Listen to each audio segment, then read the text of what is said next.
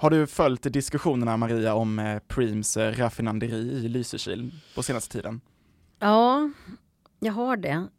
Eh, och det är... Du sa det med en lätt suck. Ja, Hur ska jag tolka in detta? Ja, du, du föreslog att vi skulle göra ett program om det här och jag var lite avvisande. Ja, lite. Och du trodde att det var att jag tyckte att det var så ointressant. Men det tycker jag inte alls. Jag tycker det är jätteintressant. Men grejen är att jag blir så förbannad. Så att jag kan inte riktigt hantera mina känslor, tänker jag. Mm. Så jag vis- visste inte om jag skulle kunna prata om det här på ett, ett, ett, ett bra sätt. Men jag tror jag kanske att jag kan det.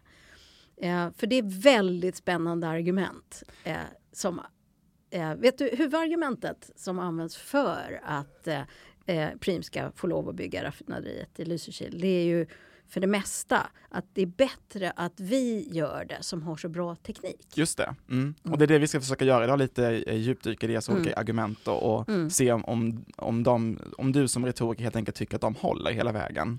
Är det det vi ska göra? Jag tänkte att vi skulle prata om de här, den här typen av argumentation. Ja, men det är det är jag nämligen menar. väldigt, väldigt vanlig Ja. i, i klimatdebatten. Ja. Eh, och eh, den, den kommer i lite olika varianter. Så de är inte unika på något sätt då, Preem, när de använder sig av den här typen av argumentation. Nej, och den är inte, det är inte heller unikt i våra liv. Nej. Eh, ja, det var inte så länge sedan som jag hörde någon bekant som sa så här. Ja, men det är bättre att jag köper ut till ungdomarna så att de inte handlar hembränt av någon skum typ. Det är ju helt sant. Ja, ja usch, det, det får mig att tänka på en, en situation som jag i efterhand tycker är otroligt pinsam. Det var så här att mina ungar eh, eller min dotter och hennes nya kille hade varit på fest och så satt vi vid frukostbordet. Han hade sovit över första gången hos oss och så frågade jag min eh, man så här, ja, var det kul på festen? Ja, vart det mycket boost då? Så han, nej, det vart inte så mycket. Jaha, nej, så ni nöjde er med lite knark istället då, säger han då.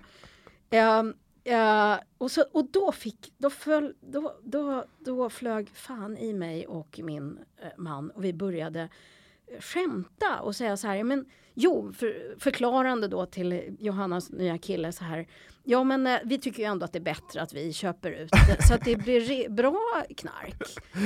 Och, och jag menar rena grejer, man vet inte vad det blir för sprutor annars. Och, ja, men vad tyckte inte dina föräldrar? Och så fortsatte vi på det där sättet. Och, och Johanna, långt, hon blev mer och mer, vred sig mer och mer och, och den här killen hon hade med hem, han såg ganska förskräckt ut, visste vi inte vad han skulle tro. Och sen framgick det efter en stund att vi bara skämtade naturligtvis. Såklart, Ja. såklart. Det förstår jag Men direkt. efteråt så var min, eh, min son som hade varit med, han var jättearg. För han tyckte att vi hade, eh, tänk sa han om, om, om, om Johannas kille hade hållit med er och så hade det visat sig sen att det var ett skämt. Just Det det. hade blivit jättepinsamt. Men i den här diskussionen Ja. Mm. så är ju i- istället för du och din man så är det Preem vi pratar om, Ja. istället för knark så är det alltså råolja. Ja, Eh, och, eh, och din det, dotters nya pojkvän representerar kanske på något sätt dig och mig när vi ska idag be, ta en, en, en utifrån syn på det här eh, Ja. argumentationen som Preem använder sig av. Det här skulle jag säga då, som jag är väldigt skeptisk till det här argumentet som är eh, eh, det är bättre att vi gör det. Eh, vi, eh, vi som har så ren teknik eller av något annat skäl. Eh, det är ju ett argument som jag skulle säga det kortsiktiga tänkandets go-to-argument. Det är väldigt vanligt men det är också problematiskt. Och det är ett sorts argument som förskjuter ett problem till en annan plats. Mm. Ehm, det finns en annan variant som förekommer ganska ofta i klimatdebatten. Den är så här. Varför ska vi behöva ge upp något? Eh, Problemet är ju egentligen att jorden har för stor befolkning. Det föds för många barn. Och det är egentligen helt riktigt eh, argument. Det föds för många barn. Men det är inte ett argument för att vi inte ska behöva göra någonting åt saken. Eh, eh, men det är också en typ av argument som förflyttar, försöker förflytta problemet Ja, till en annan plats. Eh, fast inte bara det som händer i det här eh, argumentet.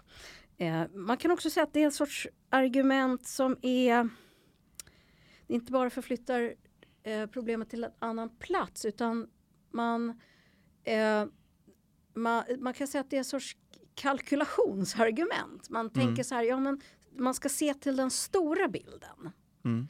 och göra en... Eh, eh, och det kommer ofta i, i, i, i, i sällskap med en uppmaning att tänka i ett bredare perspektiv. Eller totalt sett är det bättre att Sverige tar det, det här. Eh, ungefär som att det var en uppoffring för oss. Men det har vi pratat Ja. om på många olika Ja. andra sätt. Eh, Jag tänker att vi ska djupdyka mer i de Mm. här eh, argumenten och, eh, och se vad vi kommer fram till. Jag får väl Mm. agera någon form av djävulens advokat här nu då ju, eftersom Ja. att du redan har uttryckt så starkt din, din irritation Ja, jag är detta. så laddad kring Ja. det här. Ja. Så vi får, du får lugna ner dig lite så tar vi en jingle på det och Mm. sen så startar vi då den här diskussionen.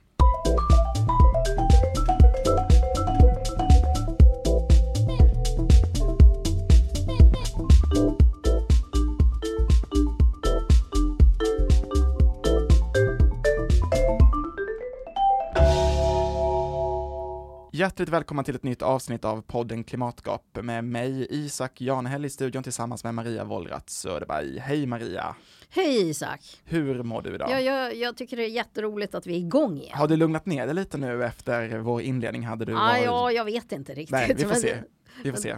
Men det, jag blir, blir eh, känslosam i förhållande till det här typen av argument. Det tåls att säga då att eh, vår inspelningsdatum idag är den 11 september, så det kommer ju nya vändor kring det här hela tiden. Mm. Eh, och senast då igår, kopplat till, till, till vår nutid då, så har dessutom Greenpeace eh, blockerat eh, eh, infarten till, till Preems raffinaderi då i Lysekil. Mm. Så det är en högaktuell fråga och vi ska försöka djupdyka lite i de här olika argumenten som, som eh, Preem själva då har gått ut med till varför då eh, det här ligger på regeringens bord nu eh, och varför man helt enkelt förväntar sig ett godkännande från den socialdemokratiska och miljöpartistiska regeringen. Ja, och det kanske egentligen inte är Preems argument som är intressantast utan, eh, och det finns ju många argument som Det är flera Som- stycken som- ja. som- Mm. Vi ska gå igenom men- lite men berätta. Ja, men jag tycker det, det intressantaste argumentet är just det här, eh, nämligen att man när man faktiskt anlägger ett klimatperspektiv eh, för att ge tillstånd till det här. Och, och, eh, det, eh, och då är det det här argumentet att det är bättre att vi gör det, vi som har så ren teknik. Och eh, eh det är spännande det här argumentet. Eh, jag sa förut att det, det är eh, eh, kortsiktighetens go-to-argument. Eh, eh, men det är också intressant för att det kommer ofta i sällskap med en uppmaning att tänka ett bredare perspektiv. Eller man säger totalt sett så är det här bättre. Och då antyder man en sorts kalkyl. Man måste tänka på den stora bilden.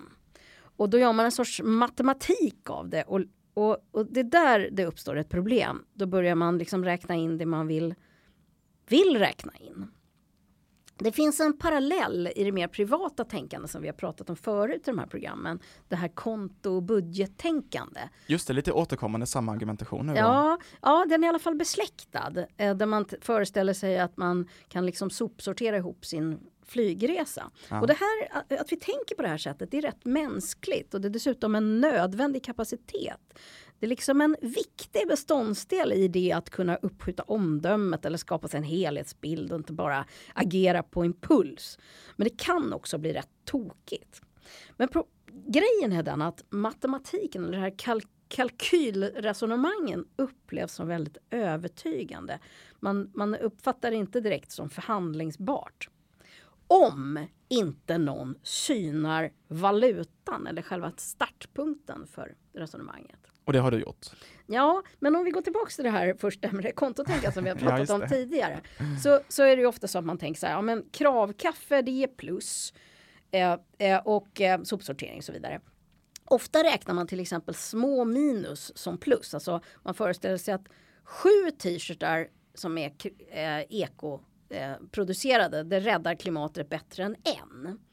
Eh, eh, och, och, och, så är det ju inte. Alltså det, det, det, det bjuder in till fel, eh, en sorts liksom strukturellt feltänk. Och nu syftar du då på att Ja. de menar att de kommer åta sig då att, att till exempel producera massa biobränsle då, att det skulle kompensera då för det här utbyggnaden. Nej, jag menar snarare att, att sådana här eh, eh, argument som bygger på kalkylationen, en, uppvän, en uppmaning om att man ska tänka på helheten, Mm.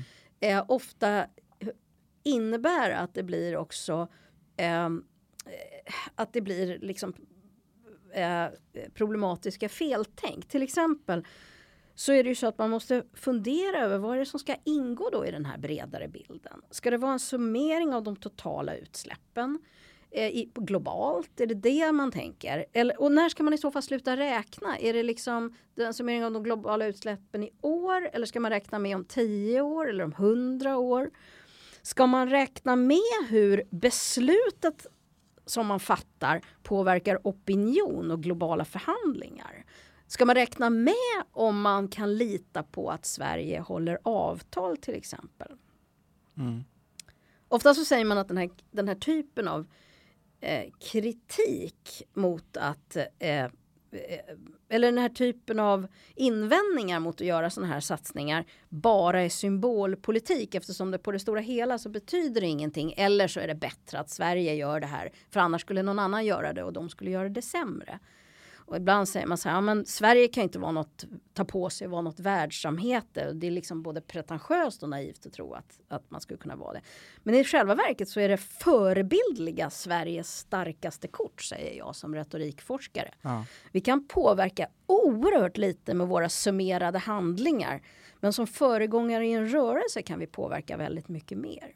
Och vi ska säga det då att, att mm. ett, eh, ett av de argumenten då som Preem eh, använder, eller liksom det som talar för att de ska få göra den här utbyggnaden är helt enkelt att eh, de kan tillverka det här eh, drivmedlet på ett mer eh, klimat eh, bättre sätt, sett till den totala kedjan helt enkelt. Och att det då skulle vara bättre än att det här görs på någon annan plats av något annat företag.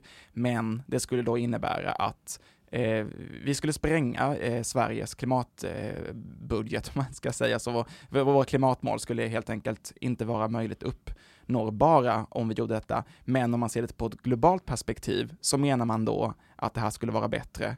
Och vi har ju pratat många gånger om att just så här lyfta det här till, till att det handlar om ett globalt perspektiv. Klimatfrågan är en, en, en global fråga som vi alla måste delta i håller inte egentligen den här argumentationen då att det är faktiskt bättre att Preem gör det om de kan göra det bättre än andra företag och länder? Jo, om vi tror att det är oundvikligt eh, och att det kommer fortsätta på samma vis. Eh, då är det kanske och, och, att man gör en bedömning av utifrån de parametrarna. Då kanske det ligger någonting i det här argumentet. Eh, eh om vi tänker att under några år och om man inte väger in eh, det här med att eh, det är faktiskt en nyckelgrej. Det här med att leva upp till klimatmålen. Mm. Eh, vad, hur ser vi på de här klimatmålen? Är det något man följer när det är bra för en men är det inte när det är dåligt för en? Vad händer om Sverige inte följer klimatmålen? Ja, det händer väl liksom ingenting, att, det blir lite pinsamt. Ja, det blir lite pinsamt. Det är det, det som händer kortsiktigt. Men och, men det som händer långsiktigt är ju att det uppstår en, en, en, en, fråga kring om man kan lita på att Sverige håller avtal. Om Sverige håller klimatavtal. Om Sverige som har varit ganska duktiga och tagit sådana här klimatavtal på allvar tidigare mm. inte håller dem. Hur kan Sverige då utöva påtryckningar och begära att andra ska hålla avtal. Men nationella klimatmål är ju egentligen ganska så liksom verkningslösa. Det är väl de globala, den globala totalen på något sätt som Jo, fast den globala totalen består ju av de nationella, eh, att, att, att, att alla de som har gått in i mm. avtalet lever upp till det. Så du tänker att symboliken ja. i att, att Sverige skulle öka sina klimatutsläpp så här mycket skulle vara liksom värre än det man tjänar in på så att säga att, att Preem tillverkar det här drivmedlet bättre än andra företag utomlands? Jag är helt övertygad om det när man, eh, utifrån när man tittar på, på hur sociala ja. rörelser fungerar. Eh, och eh, och som retoriker så ser jag också som tillitsaspekten som det kanske allra viktigaste i klimatförhandlingarna. Om vi inte kan lita på varandras utfästelser eller, eller avtal, ja då får vi inte till några bra förhandlingar. Det är ganska meningslöst att förhandla ja. fram mål och avtal om, om folk ändå inte tar dem på allvar. Och jag tror att det är en av de viktiga eh, förklaringarna till den här trögheten i klimatomställningen. Och du sa någonting viktigt här, just mm. det här att lita på varandra, för mm. grejen är också den här att ett, ett, en, ännu ett argument då som Preem då eh, mm. hävdar till varför de ska få göra den här utbyggnaden är helt enkelt att de åtar sig att göra massa andra grejer som, som också skulle minska deras totala utsläpp. Det handlar bland annat om, om eh, att man ska exportera fjärrvärme till närliggande kommuner, att man ska mm. tillverka biobränsle eh, från eh, trädindustrin och så vidare. Men ingenting av detta står alltså som eh, liksom konkreta löften i, i, i den här ansökan och, eh, och det, det är också det de har fått väldigt mycket kritik för. Och det har också fått till exempel då Länsstyrelsen i Västra Götaland att säga nej om inte de lovar att Ja. göra de här grejerna. Och det hänger då på massa andra eh, yttre faktorer. Kan vi lita på Preem att när de säger att de ska åta sig de här grejerna? Ja, det är väl egentligen samma fråga. Kan vi lita på Sverige när Sverige säger att vi ska åta oss eh, eh, de här Kanske Eh, inte då om vi målen. säger ja till det. Ska vi, kan eller? vi lita på kommuner som säger att de ska leva upp till mål? Kan vi ens krä kan, kan egentligen rege om regeringen inte lever upp till de internationella klimatmålen kan då regeringen kräva av kommuner och, och, och andra aktörer att de gör det? Hur ser vi egentligen på sådana här mål? En intressant diskussion när Mark och miljööverdomstolen slagit fast att miljömålen inte är juridiskt bindande. Det var apropå den här Mm. primfrågan. Och många tolkar det som att jaha, då måste man alltså säga ja till prim. Men att man inte är tvingad är ju en sak. Man kan ändå vilja uppfylla sitt löfte. Regeringen kan välja att följa de här klimatmålen. Men Ja. det betyder ju inte att, att det hela betyder ju inte att regeringen inte får följa klimatmålen. Nej. Så att hur man ser på de här klimatmål, eh, mål, hur man ser på avtal tycker jag är väldigt viktigt att, fundera över också. Och om det är så att man har internationella avtal och landets domstolar inte uppfattar dem som tvingande, ah, är det inte något allvarligt fel då? Alltså, eh, det är väldigt intressant att fundera över. Och det är en högst eh, politiskt infekterad fråga kan man säga detta. Det har varit flera olika instanser, olika eh, partier har sagt olika saker. Miljöpartiet har ju gått ut nu som en del av regeringen och sagt nej. Moderaterna kräver att man ska eh, godkänna detta och, att, och hävdar dessutom att det här är en viktig del av Sveriges klimatarbete, att godkänna utbyggnaden av eh, raffinaderiet i, i Lysekil. Mm. Och frågan hänger lite nu då på eh, Socialdemokraterna att de ska fatta beslut. Mm. Och det här beslutet eh, kan komma lite när som helst. Eh, och nu är inte vi några politiska eh, experter på något sätt i det här rummet, men det känns som att alla använder sig av de här olika argumenten eh, på massa olika sätt. Hur, hur ska vi tolka det? Men för det första så tycker jag att det är egentligen väldigt spännande att man använder ett klimatargument för att få göra någonting klimatskadligt så att säga. Ehm, det i sig är kanske ett fantastiskt positivt tecken. För det betyder att man kan egentligen inte fatta ett sånt här beslut utan att förhålla sig till målen och till, eh, till Men här har man också hijackat lite klimatfrågan Ja, på så sätt att... gjort. Ja, Det, det, det här sättet att argumentera, det, det noterade redan Aristoteles. Mm. Eh, då, då man eh, vänder liksom på, på, på resonemanget och säger att eh, eh, ja, det är inte som du tror, det är i själva verket tvärtom. Eh, nej men så det är en rätt eh, häftig grej ändå att man tycker att man behöver besvara det här argumentet. är det en positiv man, utveckling menar du? det är en sorts positiv utveckling för man hade kunnat bara stanna i själva målkonflikten. För i botten är ju det här en målkonflikt. Mm. Och det som ligger på ena, i den ena vågskålen är klimatet och det som ligger i den andra vågskålen är faktiskt också väldigt viktiga värden. Till exempel eh, välståndet och jobben i Lysekil. Just det. Och eh, eh, det, jag kan tänka mig att för, för några år sedan, eller för åtminstone ett decennium sedan, så hade det här argumentet inte seglat upp som ett huvudargument. Det här att, man, eh, att det är bättre att vi gör det för klimatets skull. Utan man hade nöjt sig med att ställa klimatproblemen mot de, här andra antal värdena. hundra jobb. Som, Ja. ja. Och, eh, eh, men nu är det ändå så att vi alla har godtagit att klimatfrågan är kanske en allt överskuggande eh, ja, det är en allt överskuggande kris. Vi kan inte låta bli att förhålla oss till den. Nej. Eh, eh, så att eh, på ett sätt kan man se det här som någonting positivt. Mm. Men det är också besläktat med sådana här argument som ja men vi som är så små. Eller jag som är så liten, det jag gör det har inte så stor betydelse. Eller Sverige som är så väldigt litet, det har inte så stor betydelse. Så brukar vi resonera, men här är det nästan, ja det är besläktat med det, men det är också lite tvärtom för att här har det plötsligt stor betydelse. Ja. Ehm, eh, så det är inte ignorerbart utan vi, vi kan göra eh, nytta nytta för klimatet genom att lägga det här raffinaderiet hos oss. Men vi riskerar inte då, då Ja. för att jag, tänker efterfrågan på, på de här typerna av produkterna som, Mm. som, eh, som Preem eh, tillverkar, den kommer inte att minska och då kommer någon annan aktör någon annanstans att göra dem och de kanske inte då, man ska säga det också att, att, att eh, Preem har ju liknande klimat eh, långsiktiga mål som, Mm. som Sverige har, att de ska ha Mm. netto noll utsläpp 2045. Mm. Eh, jag tänker det kan ju vara ett företag i en helt annan del av världen som absolut inte har den eh, höga ambitionen Ja. som Preem har. Så oavsett om Preem lovar någonting eller inte så har de ju ändå en hög ambition. Och det här är intressant för att det du pekar på är ju egentligen eh, det här grundantagandet att om inte vi gör det så kommer någon annan att göra det. Det Det är är det inte så då? Eh, ja, förmodligen är det så kortsiktigt. Men det är långt ifrån säkert att det är så långsiktigt. I själva verket så är det ju så att det vi har kommit överens om med Parisavtalet är att det inte får inte vara så. Utan vi måste helt enkelt nedmontera det, det, eh, användningen av fossila bränslen. Så att det vi har kommit överens om är att, eh, att vi alla ska låta bli så att säga. Mm. Men här utgår vi från att det kommer vi inte klara så då är det lika bra att vi gör det för att någon annars gör någon annan det. Antagligen Ja, annan kortsiktigt, EU-stat då. stämmer det, kortsiktigt stämmer det. Men jag tycker också att det är intressant att, eh, att vi tycker att det är okej att resonera så här på det här, inom det här fältet. För man kan ju tänka att, att man kan göra något bara för att det är rätt också. Eh, ja, men om vi tar det här sättet att bara för att någon annan så här, vi resonerar inte riktigt på det här sättet i andra sammanhang. Så här, bara för att någon annan annars kommer att sno den olåsta cykeln så behöver ju inte vi göra det. Nej. Vi säger ju inte så här, ja men det är bättre att jag tar den som kommer att cykla med den till skolan och inte någon annan som kommer att använda den för att råna gamlingar Nej, just det. Du har mer bättre Ja, användning för För cykeln. där tycker vi att det är liksom, ja men det är bara helt enkelt omoraliskt. ja. Eh, vi ska inte bidra. Eh, jag vill inte bidra till cykelstölder. Nej. Jag vill inte ha det på mitt samvete.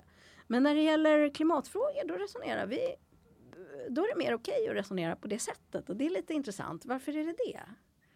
Men är det inte att man menar Mm. att, att eh, cykeln på ett eller annat sätt kommer bli snodd men vi, kom, men vi på något sätt kommer liksom använda oss av den på ett bättre sätt. Din liknelse håller ju på ett sätt men å andra sidan om vi verkligen ska nå de här tuffa klimatmålen globalt Ja. och vi kan göra en, sak mycket, mycket bättre. Ja, ja nej, det kan hända att det var en elak analogi faktiskt, att den inte riktigt håller. Ehm, Ja, det sa jag inte, jag, Ja. men jag tycker den är intressant ja, när jag funderar över varför, vad är skillnaden då egentligen? Um, ja, kanske är det så att det handlar om optimism eller pessimism. Alltså tro, om vi ändå tror att det kommer skita sig. Eh, vi tror ändå inte att det är möjligt att minska användningen. Ja, då är det väl ändå bättre att vi har det här raffinaderiet.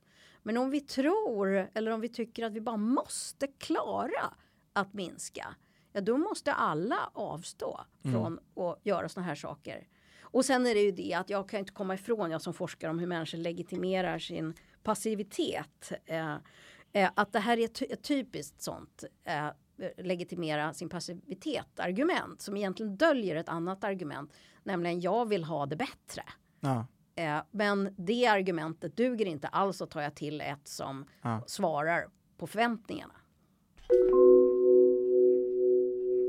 Den här frågan hänger ju som sagt då eh, i luften och det, åter, det är spännande dagar här nu. Vi, vi hoppas ju på ett sätt att det inte kommer en, något beslut innan vi har liksom fått ut eh, dina viktiga tankar om, om, eh, om frågan. Men jag skulle vilja... Och dina kom- kanske? Ja, Isak? våra gemensamma. Ja. Jag skulle ändå vilja komma tillbaka lite till det här. Vi har pratat en del om i tidigare avsnitt just om Sveriges eh, viktiga eller oviktiga roll och det, det går att vända på den frågan. Vi är små men vi är samtidigt en, en viktig röst i om, och, eh, Mm. en viktig röst i klimatfrågorna eh, frågorna och många vänder ändå blickarna till vårt eh, land. Vill vi överhuvudtaget bli förknippade med den här typen av verksamhet? Ehm, Nu kommer du in på något jätteviktigt, nämligen det förebildliga. Det hade vi ju ett tidigare avsnitt som, som, som Precis. handlar om. Och eh, det vi bland annat lyfter fram i det avsnittet är ju när man tittar på forskning om förebildlighet. Det för det första att det spelar jättestor roll. Eh, Men det är inte alltid som vi tror. Det är inte bara så att någon går före och någon följer efter. Utan det är också så att vi använder det icke förebildliga för att hävda att vi ska slippa. Så att eh, om någon som borde agera klimatvänligt låter bli att göra det så är det ett fantastiskt argument för alla de andra som vill slippa. Och den dimensionen glömmer vi väldigt ofta bort. Den har inte varit särskilt känd heller. Nej. Eh, eh, men eh, den tror jag är jättebetydelsefull att räkna med. Ja, det kanske är hybris att tro att Sverige ska kunna påverka globalt och, att, och då spelar det ju ändå ingen roll. Liksom.